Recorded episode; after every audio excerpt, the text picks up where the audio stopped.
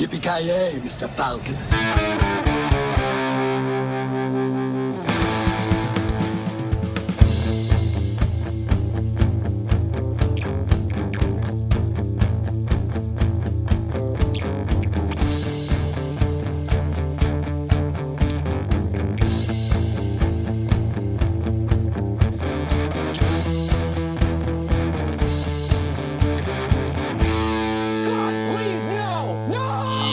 Jajamensan gott folk, hjärtligt välkommen till avsnitt nummer 75, 75 av Creative Metal Podcast. Ni har med mig, Kalle.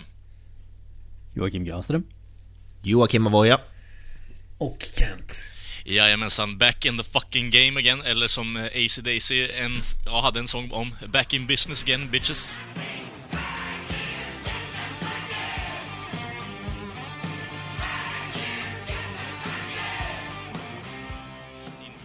Blir nu också. Men jag tycker vi hoppar in i eh, avsnittet på direkten, så vi kör lite taglines först och främst bara som invärmning där.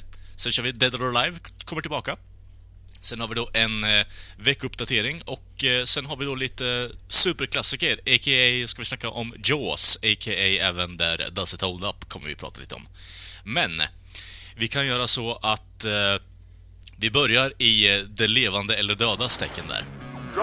Chuck Berry. Hon lever, hon lever. 91 barre. 100 barre.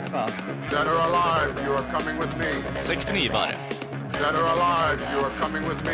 89 barre, 89 barre.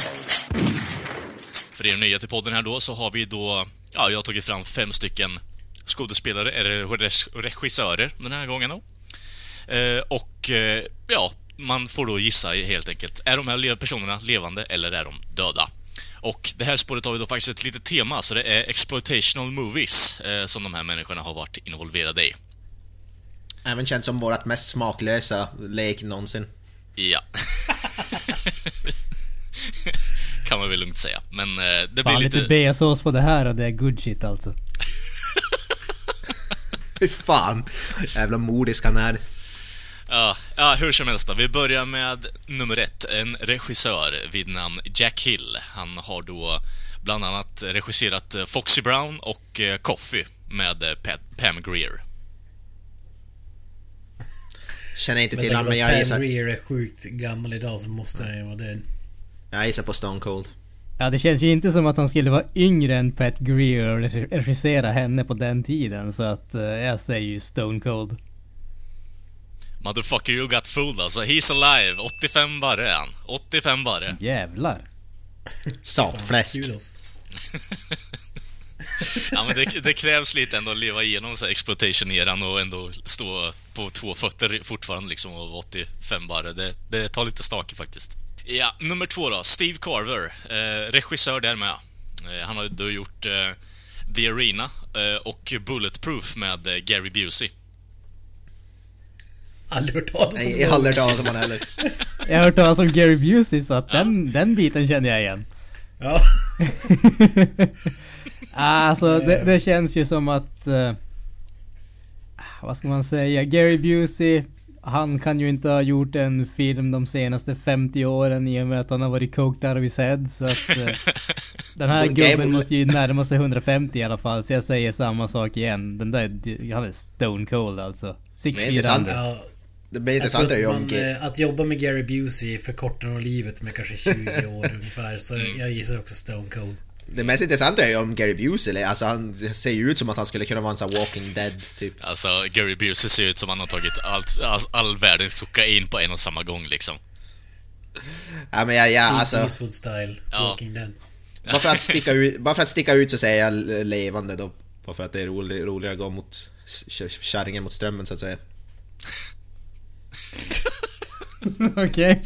Ja, hur som helst då. Mr. Avoya. Voya har ju rätt i det här fallet då. Steve Carver, eh, regissör av The Arena och Bulletproof med Gary Busey, lever. Han är 73 barre. Eh, däremot ser han ut som han är typ 150 som Granström sa där, så det, det var en bra gissning där i alla fall.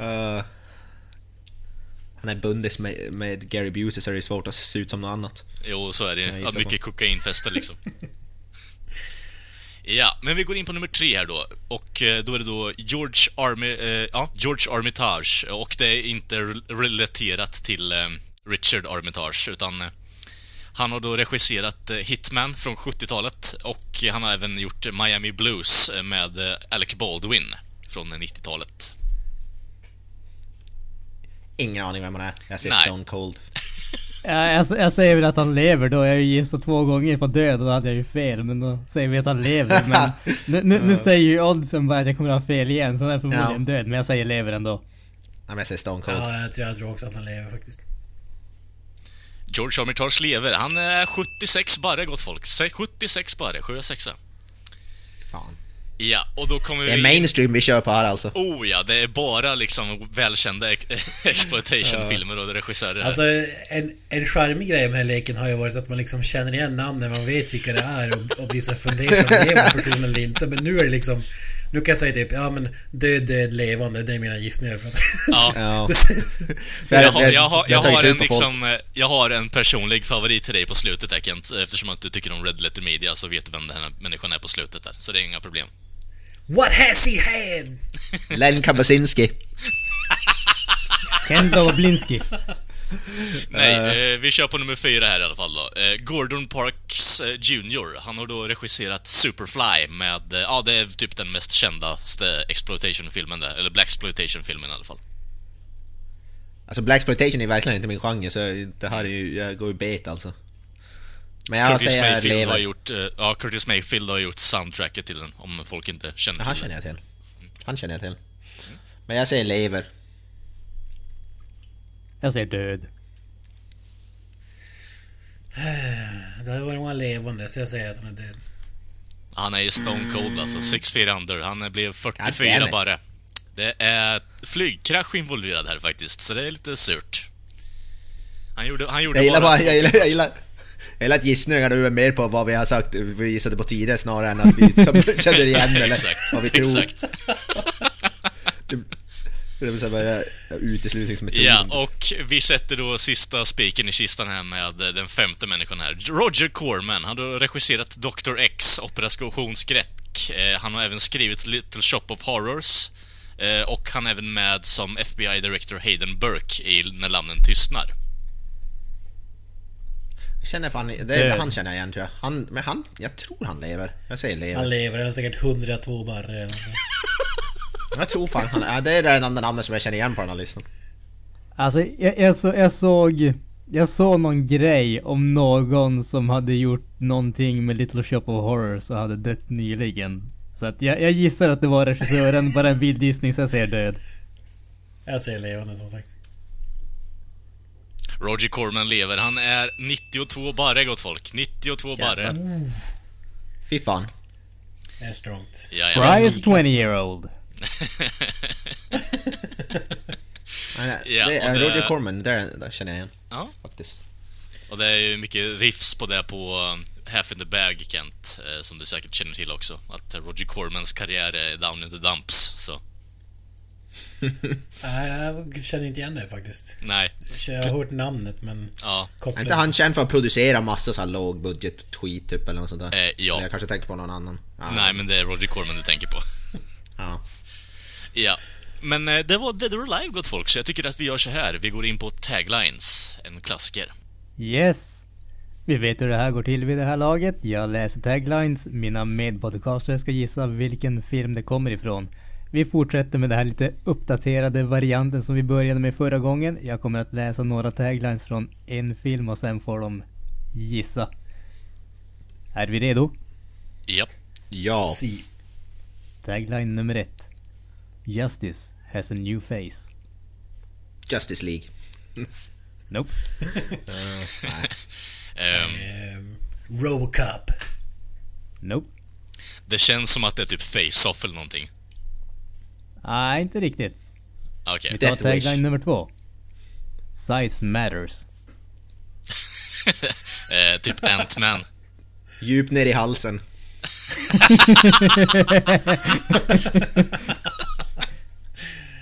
Eh, mm, den känner jag igen. Justice. Har du någon Size gissning? matters. Hulken. Nej, ingen aning. Nej. Okej, vi tar tagline nummer tre. Witness the beginning of a happy ending. Ja, där har du långt ner i halsen. Jag är inne på Avoyas spår nu alltså. Ja, exakt. Jag var tvungen att tänka till där, var det ja men happy ending, I get it.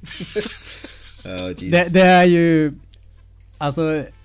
Det är ju den typen av film där de skämten finns om vi säger så. Ehm, Jaha, Okej. ja, eh, okej.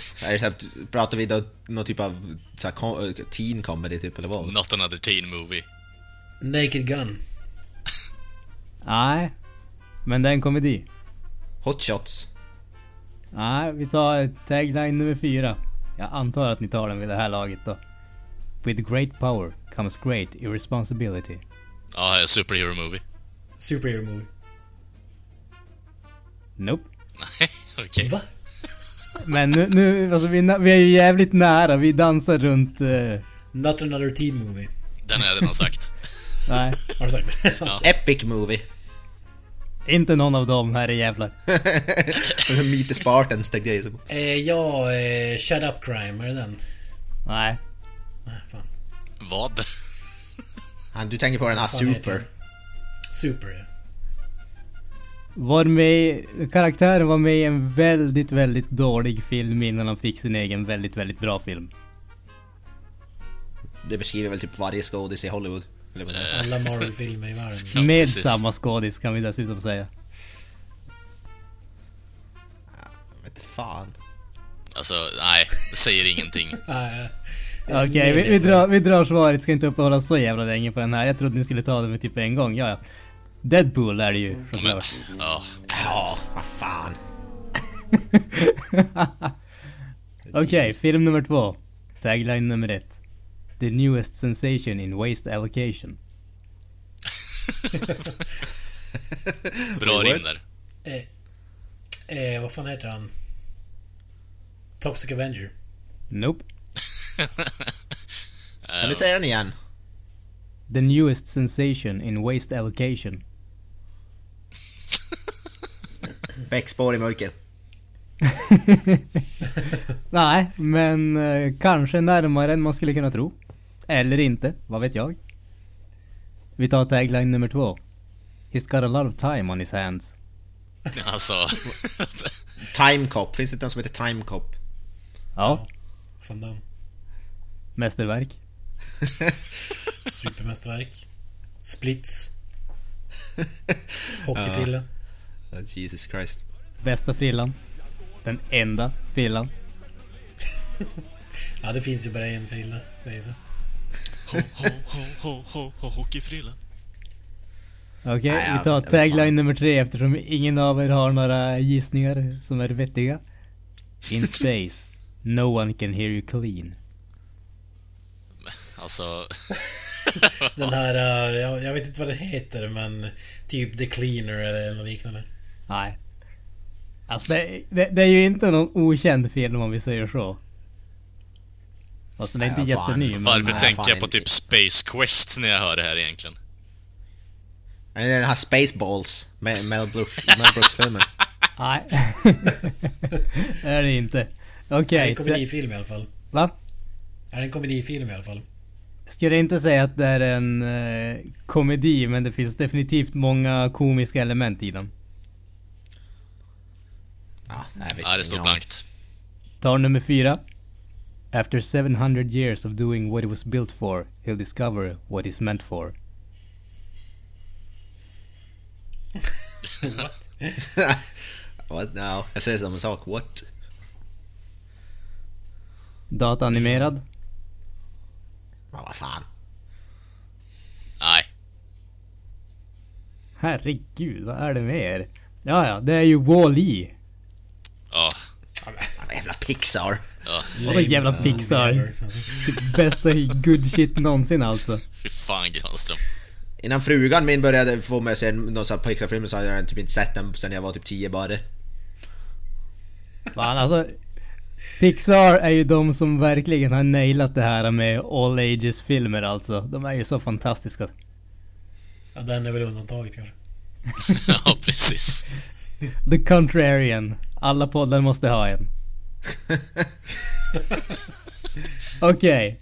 Film nummer tre. Nu, nu jävlar alltså. Med tanke på hur dåligt det har gått. Den här filmen är ju square in uh, Kents ballpark så att säga. Mortal Kombat. Nope. Okej, tagline nummer ett. Street Fighter. Nej. The world was created in six days. So too shall it be destroyed. And on the seventh day mankind will rest in peace.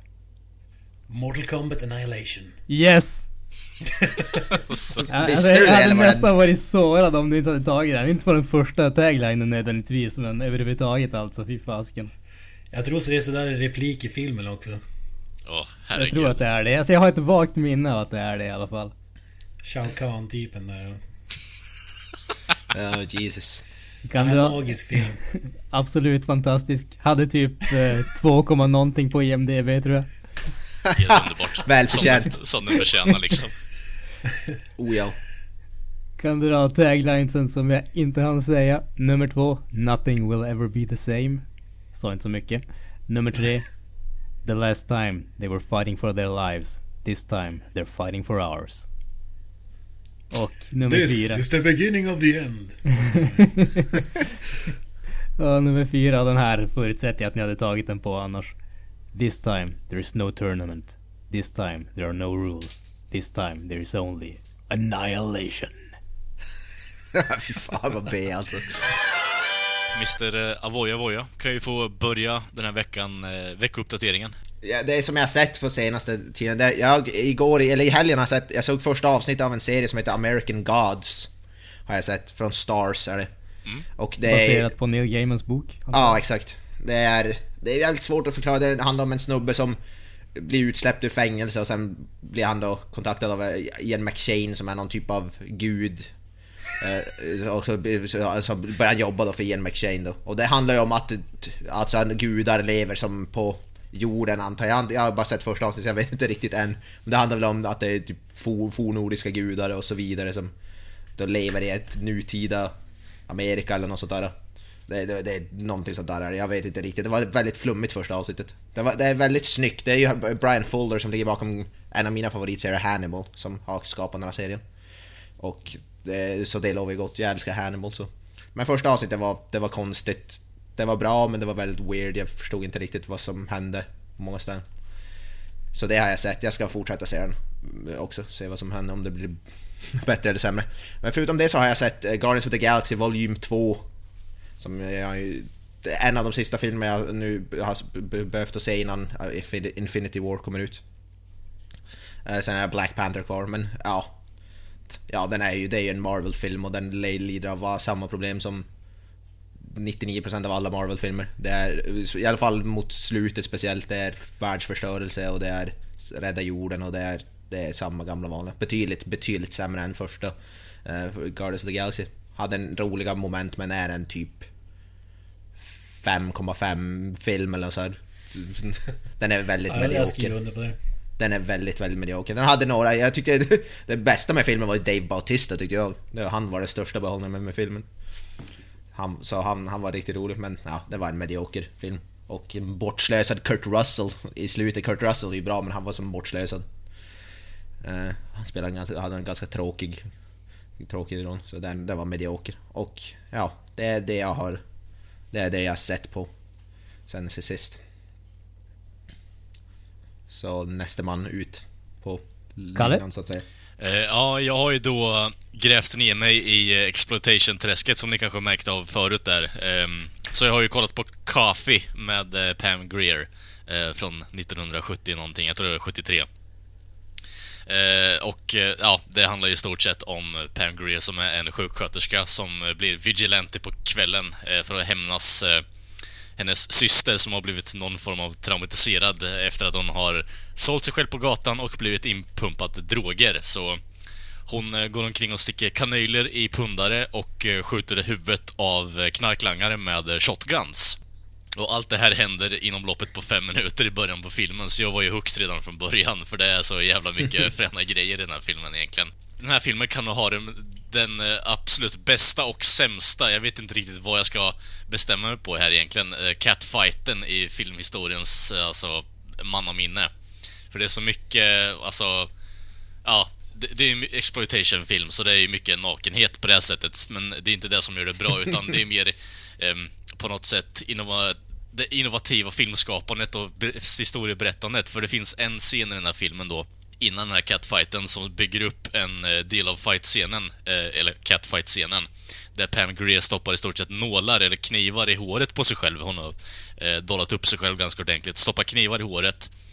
Och när det är en av de här ludrena som hon har försökt nästla in sig på då, med den här knarklangaren, tar tag i hennes hår så skär hon ju upp handflatorna på sig själv. Eh, och eh, ja, Pam Grier slår till henne i ansiktet och vinner fighten i slutändan. Så, eh, väldigt underhållande film. Eh, jag kan förstå varför Pam Grier eh, på något sätt blir... Eh, det här är ändå en film som startar igång hela processen med att eh, hon är the queen of exploitational movies liksom och definitivt en stjärna inom black exploitation-genren. Eh, och jag förstår varför eh, varför Quentin har en sån hard-on på henne och eh, gällande hennes alltså, personlighet på den sättet i de filmerna, för det, är- det är riktigt underhållande filmer.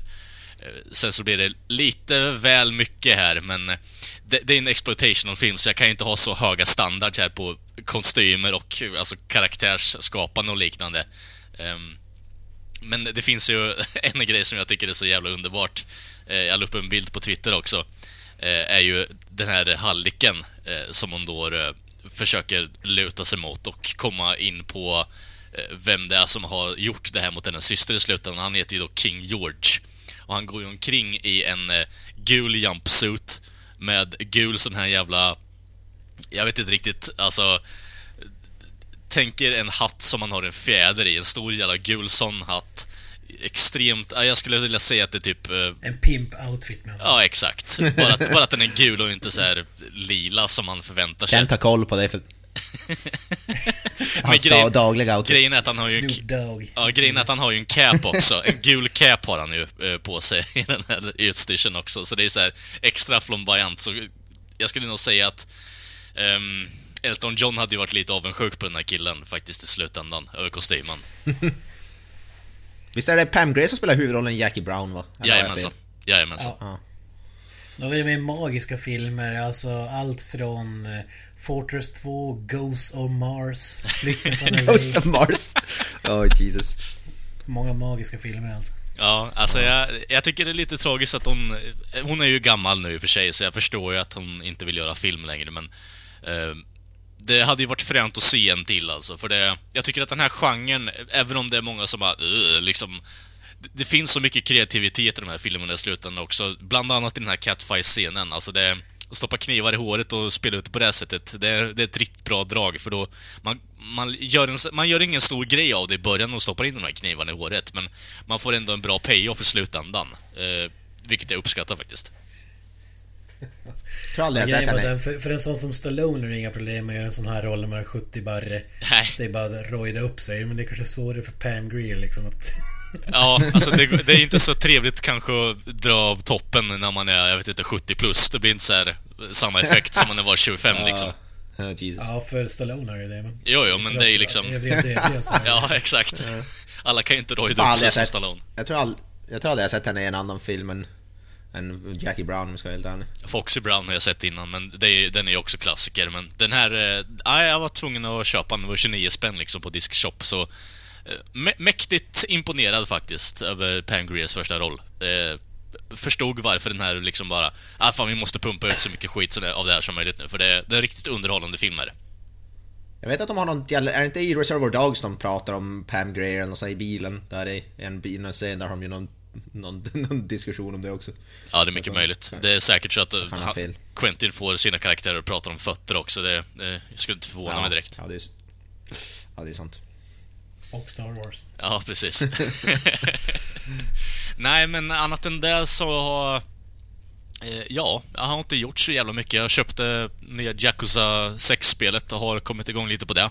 Eh, också så här sjukt underhållande, men har inte kommit så långt på det. Men eh, annat än det har jag inte gjort så jävla mycket den veckan. Jag har gashat lite över exploitational movies och sökt vidare på information och trivia kring det, men hittar inte så mycket i och med att det är ganska så här bara äh, ihopslagna filmer på typ en dag eller två och sen så slänger man ut det. Men eh, den här blev riktigt jävla bra faktiskt. Mr fucking Wikström. Ja, Eh, jag har ju då kollat på Netflix. Skräll. Ja, Oj då. Har ju kommit en ny serie, The Alienist. Eller hur man uttalar det. ja. Ja. Tio avsnitt, drama, mystery. Eh, om jag minns rätt så var det producenten från True Detective. eh, Ja, men eh, hur som helst, så man kan säga att det är eh, i slutet på 1800-talet så är det en blandning av Mindhunter-serien som vi, som vi har hyllat tidigare och Ja, det finns ju de som jämför det med True Detective men jag skulle inte vilja gå så långt. Riktigt så bra är det inte. Men jag har sett tre, fyra avsnitt. Och det har, väl- det har väl börjat bra. Det är lite, lite slow, lite character building också där och mör, mörk serie. Som i princip är Mindhunter, alltså profilers.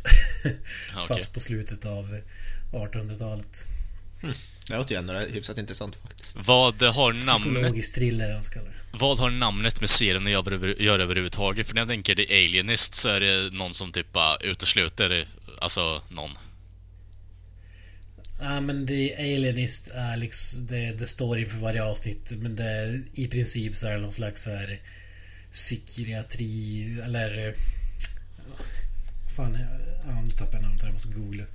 Terapeutaktig grej. Ja, rättspsykiatriker Ah, Okej, okej. är Ja. rätt ord. Okej. Gammalt ord för det så att säga. Är det några kända skådisar med den här? Eller någon som vi känner igen?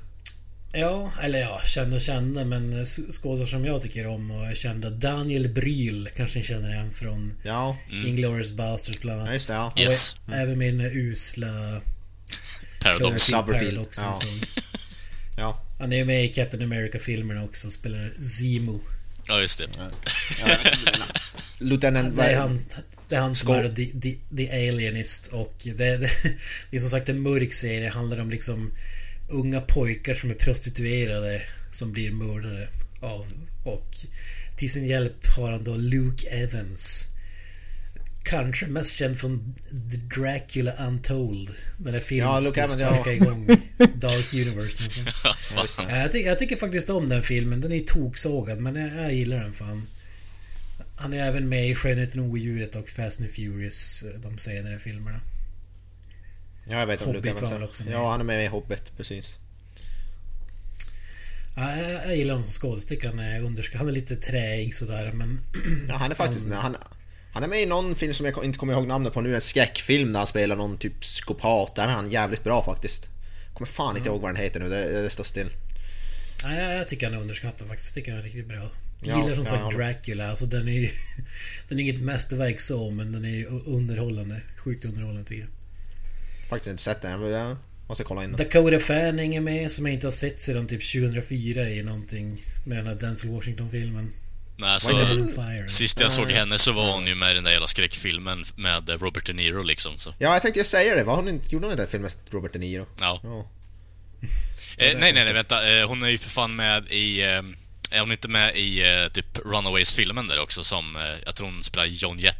Nej, den spelar den andra jäveln. Ja, det är ju fruktansvärt intressant för Oh lyssnarna ja, men oh ja. Oh ja. hur som helst, eh, mörk serie. Jag tycker att den är helt okej. Den, den har börjat, jag, jag tror att den kan vara bra faktiskt. Det, det är då Daniel Bryl, den här eh, tyskaktiga skådespelaren från Inglourious Basterds som, som blir, pre- precis som i Mindhunter så känner han liksom att han han måste liksom, för att förstå hur mördaren tänker så måste han i princip bli honom. Så jag tror att det lutar åt någon sån grej. eh, Ja, utan att ha sett allt för långt. Så mörk serie, jag tycker det är intressant. Tyvärr är det som jag pratade om tidigare gamla kläder men eh, får ha över- ha överseende med den gången. ja, men jag, jag tror nog att det kom in. Den kom ut i, i dagarna här på, på Netflix. Sweet. Nice. Eh, sen har jag även lyssnat på musik. Iron Maiden. Nej, det här är ju faktiskt eh, Southern Rock. Oh. Blackberry Smoke. Har du hört talas om dem eller? Nej, men det Nej, låter intressant med. Southern Rock. Det dör ingen av liksom. De har släppt en skiva här. Förra veckan var det Find a Light, heter nya skivan. Mm. Tycker, tycker den var riktigt bra. In, inte lika mästerverk som den här Whippoorwill som jag tycker är mästerlig. Men för de som inte vet vad det är för band så kan man säga att det är en blandning av Lynyrd Skynyrd, Tom Petty och Rolling Stones. Typ gamla Mm. Rolling Stones. Ja, jag tänkte Lynyrd Skinner när jag hörde Southern Rock. Det är väl det jag Ja. upp i skallen typ. De, de gör ju låtar, de är ju otroligt. Det är allt från liksom rock till vissa låtar är country, vissa är till och med gospel. Innehåller gospel så det är väldigt blandat. Men eh, den här skivan är väl mer så här eh, ligga, ligga ute i gräset på sommaren och lyssna på den. eh, Mer än eh, Whippoorwill som är liksom så här känslomässig eh, platta skulle jag säga. Lite Ja, mer just åt det hållet. Inte lika bra som den men jag tycker ändå att den är, eh, är riktigt stabil. Har, har några låtar som jag fastnar för riktigt Riktigt hårt. Så dunkar den skivan mycket nu. Ja, man, man saknar ju som ett Skinner-aktigt band.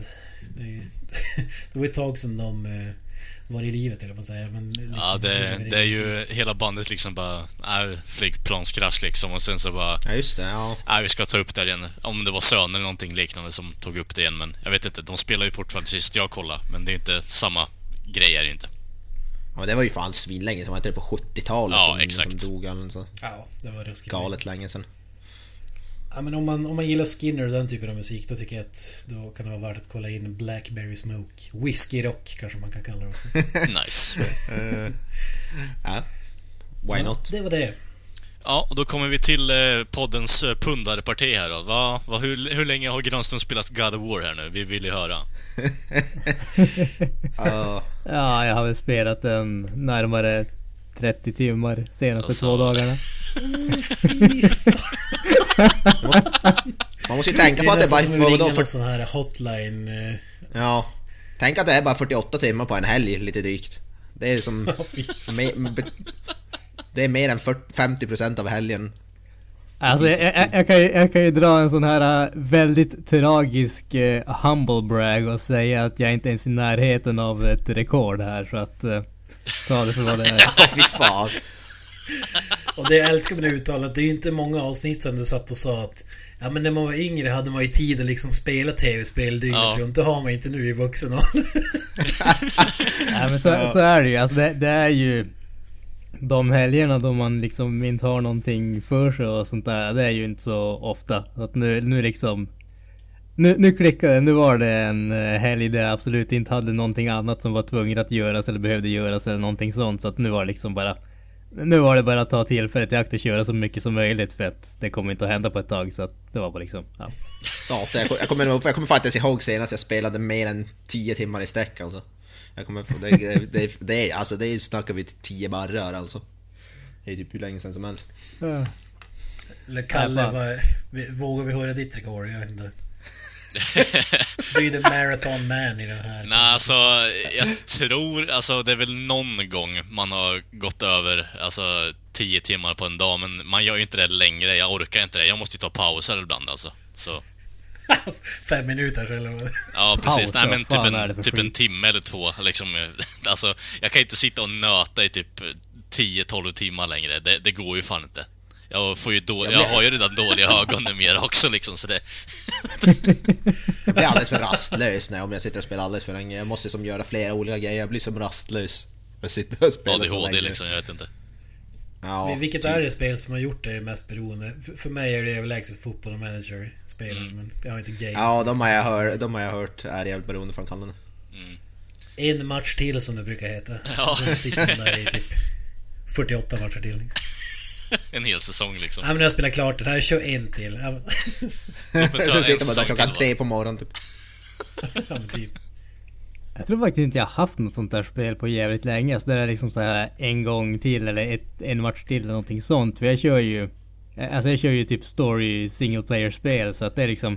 Jag spelar färdigt och sen så lä- lägger jag bort det så att det, det är liksom ingenting som jag håller på med efter att jag är färdig med det men... Ja, du jag sitter håller... bara 30 timmar och sen är det liksom... Ja. Ja, sen, är jag färdig. Nej men alltså det är liksom... Jag, jag spelar färdigt Nej, jag är inte beroende, jag är inte ungefär. beroende. Det blir så här liksom, Granström håller på med det där spelet i 30 timmar och sen när han är klar med det så kastar han en handduk på det säger klä, alltså torka av det och gå härifrån i stort sett. Ungefär. Första steget... Ja fan jag betalade ju Addiction Day 600 Denial. spänn för det. Ja, precis. Uh. Good times. Nej, sen när det var sista gången du knarkade ett spel. Alltså jag kommer fan inte ens ihåg, som sagt jag kommer inte ihåg sista gången jag spelade mer än 10 timmar i sträck alltså. Det är, alltså det är sinnessjukt länge sedan. Det var typ när man var liten och spelade sådär, hade flera hundratals timmar på Pokémon på Gameboy typ eller något. Ja, Fan vad värdelöst. Excite Mike.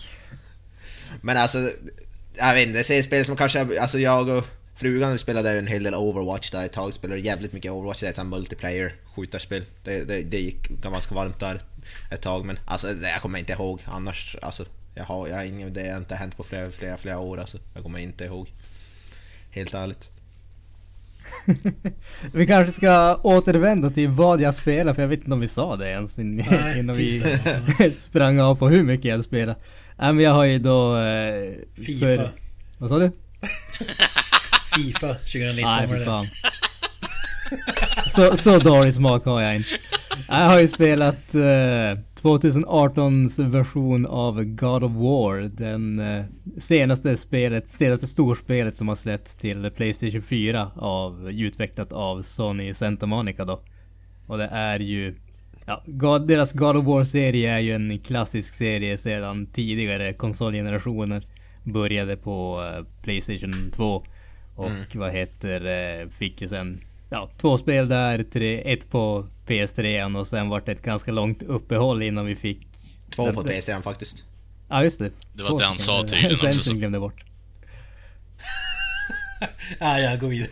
Nej, nej men det, det är ju om man säger en... Eh, tidigare spelen har ju varit väldigt klassiskt eh, action slash, jag vet inte vad jag ska kalla det. Inte beat em up men... Eh, melee combat. Ja, hack and slash precis. Hack and slash och... Eh, den här gången har de ju verkligen eh, shakat upp hela eh, stilen på spelet. Alltså förut var det ju det, det var liksom tryck framåt och banka på alla fienderna som du stöter på. Den här gången så är det ju en helt annan typ av spel kan man säga. Det är ju fortfarande ett actionspel men det är ju mer det är inte open world men det är inte så långt ifrån. Det är mycket mer downtime där man liksom går omkring, utforskar och liksom gör sådana saker. Det är mycket, mycket mer story i det här spelet. Eh, ska inte spoila någonting storymässigt för det är en vä- väldigt eh, välskriven och välagerad story men grundhandlingen är ju att eh, Kratos som var den spartanen, huvudrollen i de tidigare spelen, har den här gången flyttats till en fornnordisk miljö. Och eh, hans fru har dött och tillsammans med eh, sin son så ska han föra hennes aska till eh, toppen av det högsta berget i eh, riket ungefär. Och sedan så... Fan vilken handling alltså. Handlingen på så sätt är ju inte direkt, vad heter det, fantastisk men vad heter det, det är ju det är, det är ju väldigt så här äh, klassiskt äh, historieberättande som man tänker till, tillbaka till alla de här äh, gamla liksom sagorna från ja, fornnordiska gudarna och allting sånt. Så det, det är liksom helt i stil med den biten. Men sen är det ju inte det är ju inte den biten som är intressant utan det är ju just hur välskrivet det är liksom förhållandet mellan Kratos och sonen och allting sånt. Det är ju där liksom spelet glänser för det fick man ju som ingenting av i de tidigare spelen. Kratos var arg hela tiden och det är typ, han är typ känd för att vara arg hela tiden. Det var som hans grej. Fo- Folk har jämfört det här spelet med typ Logan eller så här The Road eller en sån här film där det är... Alltså, Ja. det är ju typ den, den stuken. Men Det är det det, så, så handlingen är, det är inte bara en ursäkt för en massa but- button mashing utan det finns faktiskt någonting vettigt. Nej, det, det är precis. Alltså det, det är vad heter det. Det, det finns en, en riktig handling. Det finns riktiga karaktärer. Det är ju fantastiskt bra skådespeleri med eh, Christopher, Christopher Judge från eh, Stargate SG-1. Spelar 10 år där som spelar Kratos den här gången. Så alltså bara där vet man ju att det är liksom högsta kvalitet. Jag Han är förstår, faktiskt riktigt jävla bra i det här spelet. jag förstår varför du tycker om spelet nu, Granström.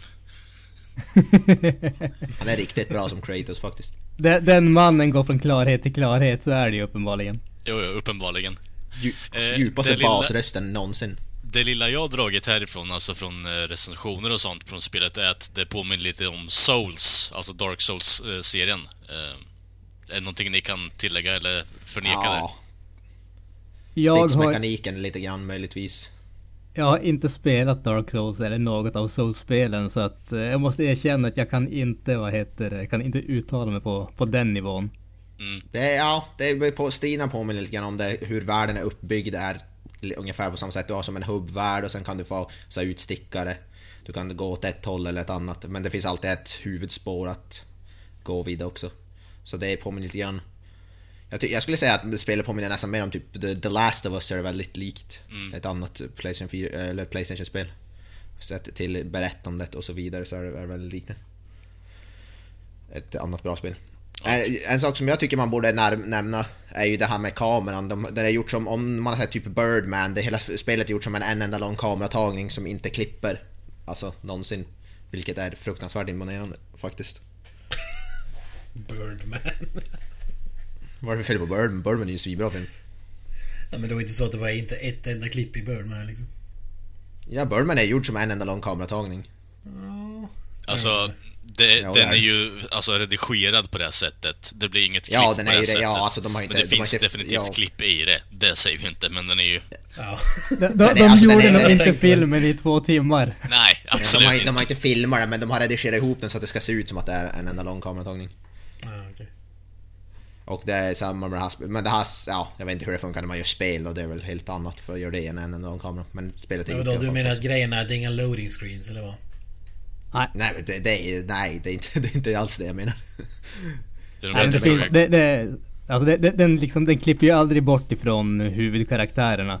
Det, det är ju det som är grejen, alltså som man säger. Det, det är liksom e- ett enda extremt långt kameraklipp. Det är liksom kameran, ibland så flyttar den på sig någonting sånt men den klipper aldrig till svart.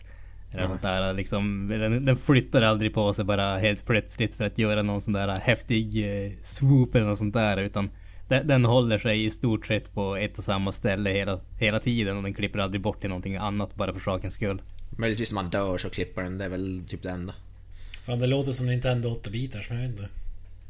Det- det- Fast där var ju tvungen, där hade du en eh, loading screen mellan nivåerna. Ja, det var Ja, fan exakt. ingen loading screen på Excitebike kan jag säga. Det Alltså, var bara en bana i det spelet. Ja, fy fan. Excitebike var före sin tid alltså.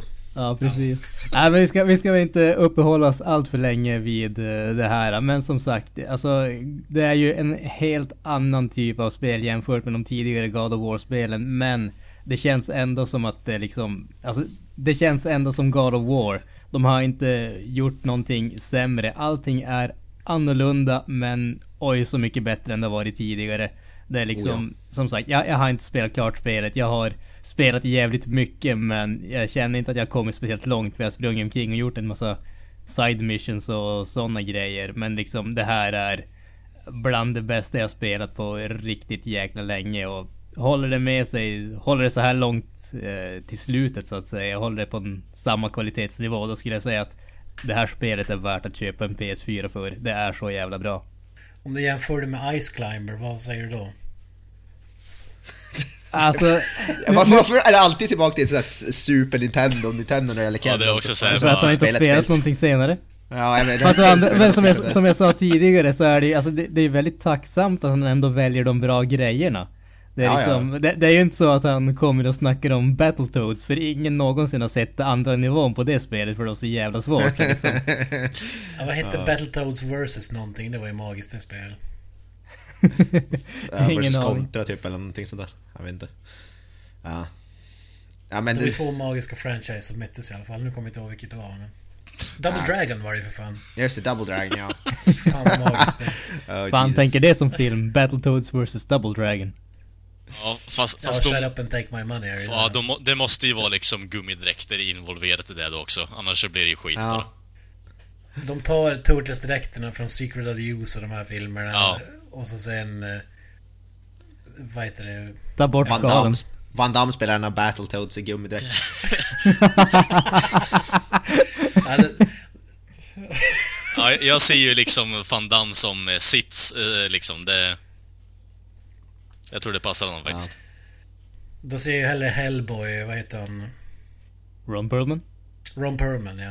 Som Battletoad. Ja, det finns ju flera Battletoads, jag vet inte riktigt. Ja. Alltså Det jag, jag, jag, jag känner att... alltså. Jag, jag vill ju inte ha Battletoads i gummidräkt. Jag vill bara ha typ någon sån här random snubbe som är sminkad grön.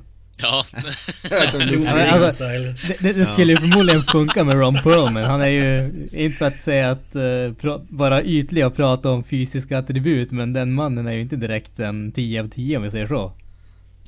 Shut up. Ta Han är Goldberg fan, lätt Morgan. 10 Fan. Ja, vad jag skulle gå gay för Ron Perlman alltså. Alltså... Ja. det- Grönst- Oh ja.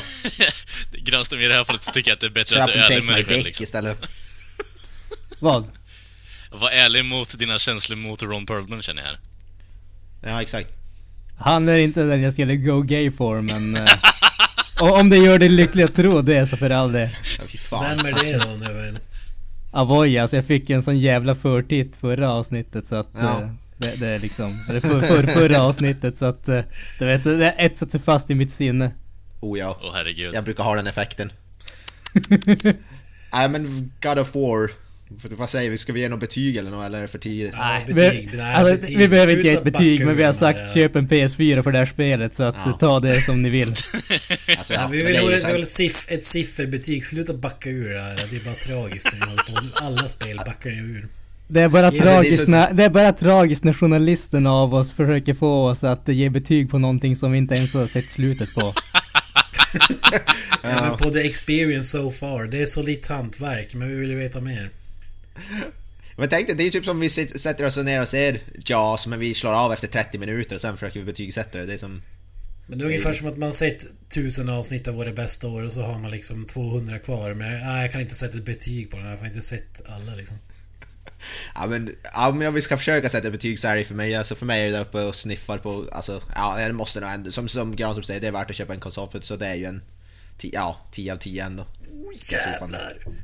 Ja, jag, jag är ju på, jag på hur, jag gillar hur alltså, upp, uppbyggnadet för den här betyget egentligen var bara "Nej, Jag vet inte riktigt vad jag ska ge för betyg. 10 av 10 liksom. Ja. Det, Det låter Men som det att är det liksom som sagt, det kan ju- vacklade mellan typ 7 eller... ja.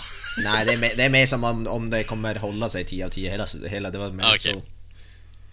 Ja, alltså som sagt, jag, jag, jag står på Avoyas sida där. Alltså än så länge så är det 10 av 10. Det här är ett av de få spelen som det är värt att köpa en konsol för. Alltså, det, det händer inte ofta, men någon gång i sänder kommer de speciella spelen. Det här är ett av dem.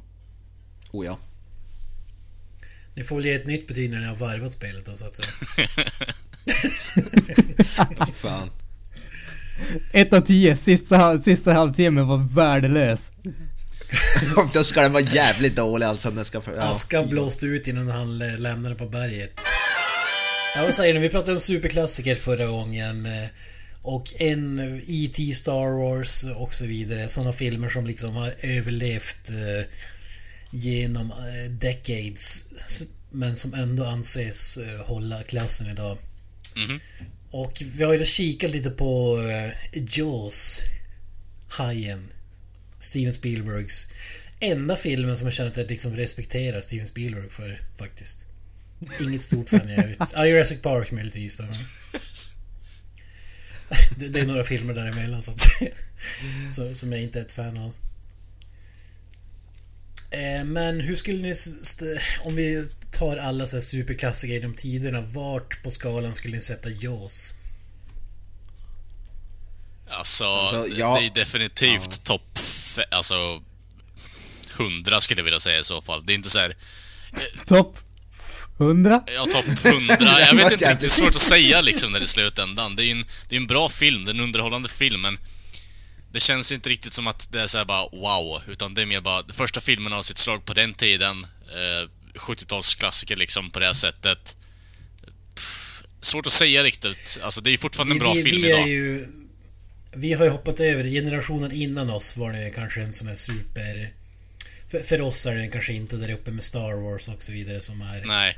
i en klass för sig kanske men den är ändå sjukt stor. Från, alltså, men som sagt det är kanske folk som är lite äldre än oss som den är ruskigt stor för. Mm. Den var ju liksom Alltså, jag tycker- banbrytande när den ja. kom. Jag respekterar Ja, jag- ju filmen, jag- gör jag ju. Ja. Jag tycker det känns definitivt som en, en sån här film som man hör när man pratar om såna här Definitivt klassiker, alltså definitivt när man pratar också då, alltså när det kommer till såna här dj- typ Ja, djur, alltså djurskräckfilmer som alltså Jurassic Park då, och då alla de här Deep Blue Sea, Deep, ja, Deep Blue Sea vet jag inte om jag skulle klassa som, ett, som en klassiker. Superklassiker. Ja exakt, precis. Nej men det är definitivt en sån film som man hört hört talas om när det gäller, när det, man pratar om i alla fall de genren, eh, genrerna. Definitivt och även, alltså bara rent allmänt som en klassiker. Så jag tycker definitivt den platsar där uppe. Utan Men vilken tvekan. film ska ni lägga den bredvid? Alltså som ni känner är på samma nivå liksom. Av superklassiker. Får man säga Jurassic Park eller är en för ny film? För annars skulle jag väl Nej, nej men det, det funkar. Jag tycker väl den känns som där, där kring. Det är ju samma typ av film. Ja, jag kan faktiskt köpa det. Jag, jag tror det är ganska bra. Mm. Nu har Jurassic Park fått en revival då med på senare år och sådär men... Ja. Jo, men rent tekniskt sett så får ju... rent tekniskt sett skulle vi säga att uh, Jaws eventuellt får det också i och med uh, Megalodon liksom, så... Ja, spirituell, spirituell uppföljare. Ja, precis. Och hur många? För det finns väl svinmånga i filmen? Finns det fem stycken eller något sånt? Ja. Ja, minst fyra i alla fall vet jag. Uppföljarna blir bara bättre och bättre eller vad? ja, exakt. This time it's personal. Som Ja. taglinen är på en. This time it's a JPEG. Ja, men det, det är få filmer som har haft uppföljare som liksom har crash and burn så hårt. Alltså tvåan är väl helt okej, men trean då är det off the rails så in i. Ja. Ja. 3D. Oh, Jesus.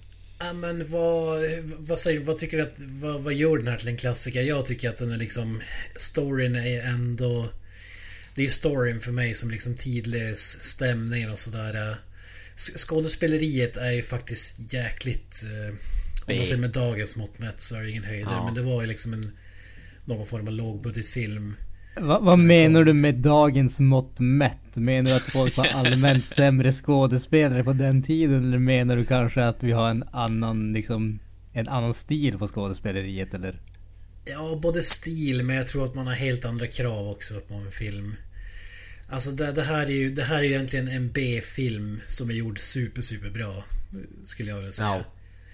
Den enda som Alltså, är riktigt... Ja. Skådespelarna i öppningsscenen till exempel sätter ju tonen direkt. De är, alltså de är ju bedrövliga. Jag vet det är ju ett ungt par som ba- badar i början liksom. Ja just det, och när han springer där på stranden där ja. Ja. ja. Den enda som levererar är ju Roy Scheider i huvudrollen som är, som ändå funkar tycker jag. Alla andra är, det är verkligen B-klass alltså. Jag jag tycker att Richard Dreyfuss är, eh, är huvud... eh, Är, är stjärnan för mig i alla fall. Han som spelar den här... eh, Vad ska man säga? eh, Marinbiologs... Ja, ja, ja, han är bra också ja. Han är överlägset bäst för- för mig i alla fall. Men när du frågade vad det är som gör det till en klassiker, för mig är det att det har... Ja, det, den gör ju inte det misstag som många sådana filmer gör, att den... Alltså inom fe- inom fem sekunder så har man sett monstret och den har redan dödat 20 pers, liksom. Som da- dagens julfilm. Det är den, den bygger lite mer stämning, den visar inte allt för mycket och den har jävligt bra musik också. Bra så här, ljudeffekter och musik som var fruktansvärt. Det var John Williams som har gjort Star Wars-musiken, det visste jag inte. Som har komposit- komposterat musiken till den här också. Det visste jag inte. Det är helt klart någonting som gör den ikonisk. Alltså musiken. Alla vet hur Jaws-themen går liksom. Oh ja. Så det är den kombinationen som gör att den tycker jag eh, att, eh, att det är en superklassiker. Nu måste jag erkänna att jag, jag har ju inte sett hela filmen i alla fall förrän jag såg den tidigare idag, så det var ju första gången för mig. Så, men alltså, jag förstår ju var, varför den här räknas och jag gillar den precis så mycket som, som, må- alltså, som alla andra. Alltså den, är- den är ju fruktansvärt bra, det är den ju. Jag kanske ska säga vad filmen handlar om. Om det är någon som mot förmodan inte har sett Hajen så är det ju eh, en polis En som, som flyttar från New York till en mi- mini, ministad ute på en ö. Som då råkar ut för hajattack. Och ja, Ja. det är filmen. Ja, det, säger som... Det är inte så djup handling direkt. Var, var det en Granström hade inte eller? sett Hajen nyligt men vad, vad tycker du om den? Alltså, jag tycker jag om den. Det, Det är så lite hantverk. det är solitt hantverk. Precis, för att vara gjort på 70-talet så är det definitivt solitt hantverk. Nej men alltså.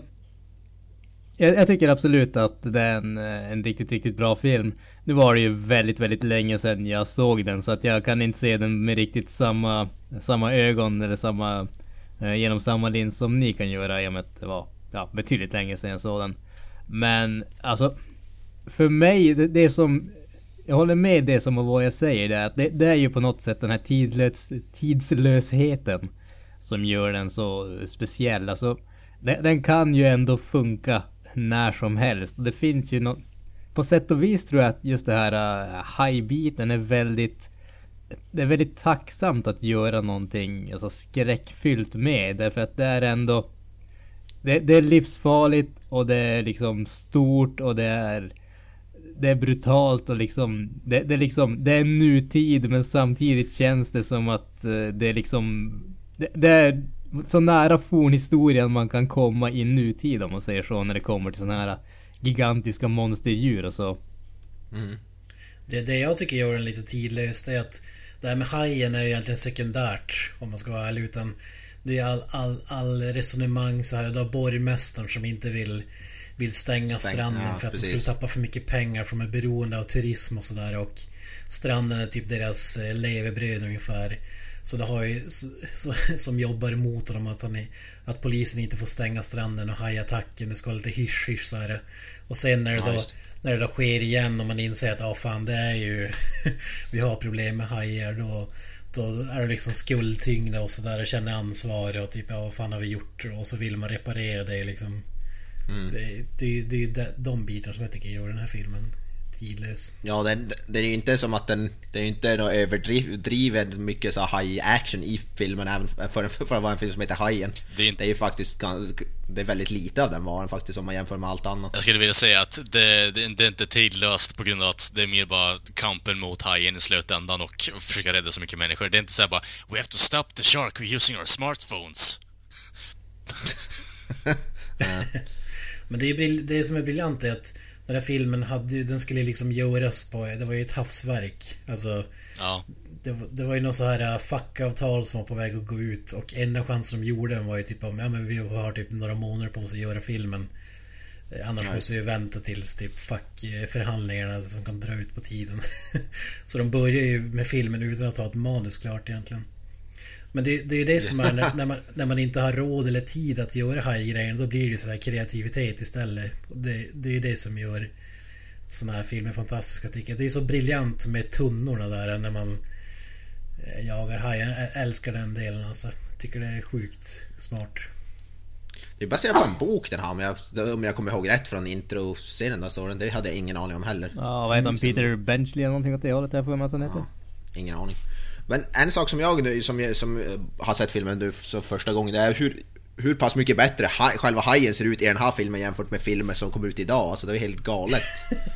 Alltså det den, ser ju, den såg ju, det ser ju riktigt bra ut. Alltså jag trodde det skulle se för jävligt men det gör det ju inte alls. Ja men grejen var ju att de hade en riktig haj i koppel. Det var ju därför. Ja, exakt. Timmy. Filma på SeaWorld. Ja, precis. Precis. Men det är väl någon typ av animatronics, alltså robot som de använde, eller hur fan var det? Jag Ja. vet inte. Den var, den- den var väl ökänd för att den gick sönder typ hela tiden jag för mig också. Ja, Yes. det var ju också en sån här äh, anledning till att de inte visar så mycket av den. Men det är det som i slutändan gör den liksom briljant och sticker ut från, från resten. Att man liksom, det blir spännande utan att du behöver visa hajen liksom. Ja, precis. Alltså frå- frågan är ju om någon skulle våga ju, alltså, göra en film som Hajen idag, en Steven Spielberg, eller om det skulle bli att nu får vi Hajen hela tiden. Konstant så att säga. Alltså det är väldigt, det är väldigt riskfyllt. De vill... De, det är ju de här hormonstinna tonåringarna som bara vad fan man får ju aldrig se den jävla hajen, skitfilm. Det närmaste är ju typ Jurassic Park, skulle jag säga. Ja.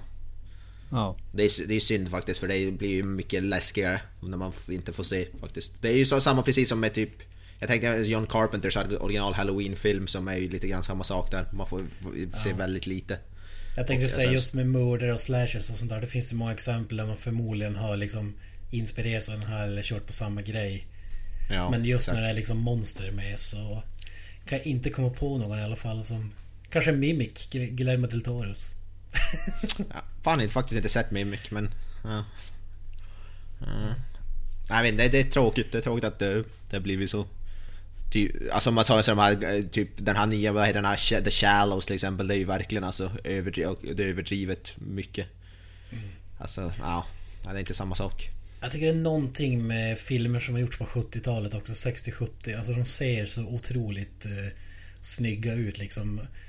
All, allt från kvaliteten till liksom kläderna och typ bilar, båtar. Alltså det, jag vet inte, det är någonting med, Med det där Allting förutom, allting förutom som... Ja, allting förutom som du sa skådespeleriet, allting förutom det är ju som top notch. Det är bara skådespeleriet som kan vara lite B i såna äldre filmer. Mm. Men allting annat som du säger. Huvudskådespelarna är liksom riktigt Ja. bra, men i övrigt är det ju väldigt... Ja, jag tyckte är Roy, Roy Scheider var i huvudrollen tyckte jag var riktigt bra, som du sa Richard Dreyfuss var, var ju också, är ju också riktigt bra. Även vad heter han som spelar den här fiskkaptenen, Shaw någonting heter skådespelaren. Ja, Robert Shaw.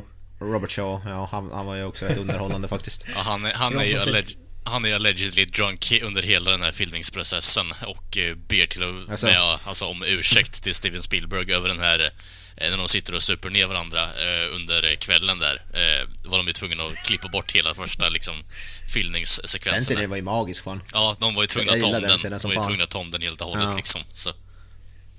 Ja, jag Den älskar scenen den ju bra. scenen alltså när de Ja. Sitter och dricker sprit på båten. Alltså, Ja, och sjunger helt ja. Det var det, fantastiskt. ja, jag gillar den scenen också som var. Ja, han var, och så när han sitter och berättar om sina så, krigshistorier där, vad heter han? Eh, Quint eller vad han heter nu, fiska, fiskeman, fiskaren. Den där har vi fått en svensk version av. En Oddset-reklam med Börje Salming och Micke Renberg och är det Thomas Sandström. Ja, i hissen ja. När de står i en hiss och visar upp så skador och så kommer Börje Salming in och så typ blir alla tysta med det och så klär de på sig igen och så går de bara ut för att han har ju typ 100 000 stygn ungefär. Ja, det vill jag se en J- Jaws, en svensk remake med Börje Salming i rollen Ja. som fiskaren där. Ja men fiskaren här, han är helt otrolig. Han är ju en sån stereotyp Indian burial ground, om man har sett South Park. Den snubben liksom. Som är med för att sk- skrämma publiken ungefär. Bara genom Ja. att vara som han är och berätta horror stories ungefär. Men, men jag älskar honom alltså. Han är så jäkla badass. Fan den där scenen när han, när, när han försöker, när han ska göra ett samtal där och så kommer han in och slår sönder telefonen med ett basebollträ. Det var ju sinnessjukt bra alltså. Och sen står det och skriker efter han bara. Ja det var underhållande alltså. Det var jävligt bra faktiskt. De delarna är lite så här, ja, varför? Men som Ja, sagt, ja, man det- älskar ju den på något sätt. Jag tyckte jag såg eh, Steven Spielberg i en cameo tidigt i filmen, jag vet inte om, om, om jag så- såg fel men jag tyckte fan det såg ut som han, som en som fiskar, fiskarna där på bryggan, det var massa jävla fiske men... Om man Steven Spielberg där. Jag vet fan. Nåväl. men eh, avslutningsvis då kan man säga att sjuk rekommendation. En av mina favoritfilmer. Alltså just för att den är så tidlös och det är en av de... Alltså jag tror att folk, den är inte... den- var mer känd för 20 år sedan kanske var den en gigantisk stor den här filmen. Just för att vi har inte fått alla reboots eh, som alla typ Jurassic Park eller vad ska man kalla det? Uppföljare fast reboots. Soft reboots. Tack och lov. Ja, precis. Den här är liksom orörd. Det, det gör det mycket. Alltså, det kan komma Hajen 17. Eh, men vi vill inte se en reboot. Alltså då, vi vill se Meg-filmer men vi vill inte se en reboot av, av den här. Så den är värd att se bara för soundtracket själv. Alltså det var, jag såg den på, på, på min projektor med en bra högtalare. Det var riktigt imponerande faktiskt. Ja. men det kanske också är någon... Jag, jag, två, är, är två grejer till som jag kom på nu. Det som gör den tid, tidlös också är kanske titeln. Alltså, man säger att alla så här klassiker har superenkla namn som funkar världen över. Jaws höll på gränsen, men liksom Star of Wars, E.T. det fattar ju alla. Man fattar ju hur det stavas och så vidare. Alltså, Ja, t- titeln är ju, det är en av förmodligen de bästa titlarna tror jag. Jag, jag tycker Jaws är riktigt bra. Det har jag ty- tyckt innan jag såg filmen. Att det är en bra filmtitel. Den säger dock ingenting om filmen, men... Ja, Nej, men det behöver ju inte. Cool. Ja, den är jävligt cool. Eller skulle du säga så här, den ser bättre ut på en poster än vad den Ja, exakt. låter. om det makes sense. Men det är roligt om de på svenska döpte den, alltså di- direkt översättning av Jaws. Vad skulle det bli? Käftare typ eller någonting? Käken. typ. Käken. ja, det hade varit kul. Och de funderade på originalnamnet var ju typ så här Jaws from the bottom of the sea. Nej men något sånt där uh, Nej, fy fan. Silent killer. Typ den typen. Så vi är glada Creature from the Black Lagoon.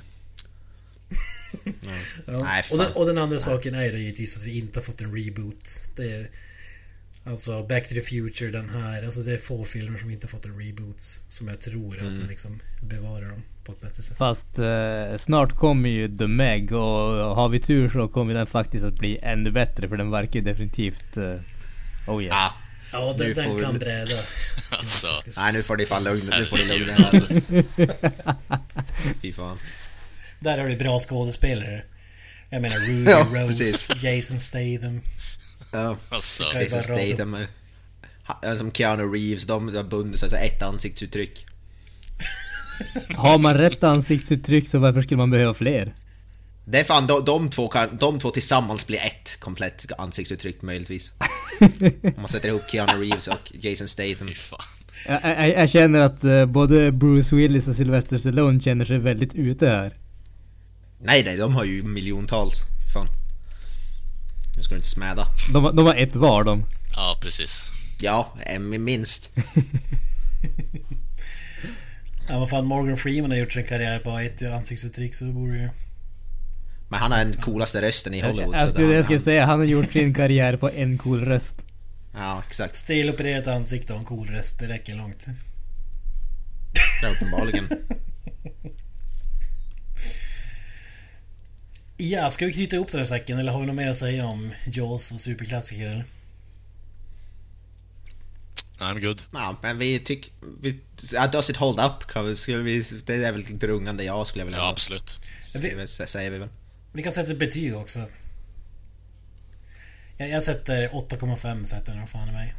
Så högt upp är den för mig. Av 10. Fan, jag trodde du skulle... Jag trodde det var en tia för dig alltså. Alltså Ghost of Mars-klass är det inte, men... eh, 8,5. Ja men jag sätter väl strax, jag sätter en åtta i alla fall. Jag tyckte det som drar ner den, det var långtråkigt i, i vissa delar. Där man satte som, där, som inte hände så mycket. Men en åtta av tio, stabilt. Ja, jag, justerar, 9 av 10 sätter jag. Så, så bra är den fan i mig.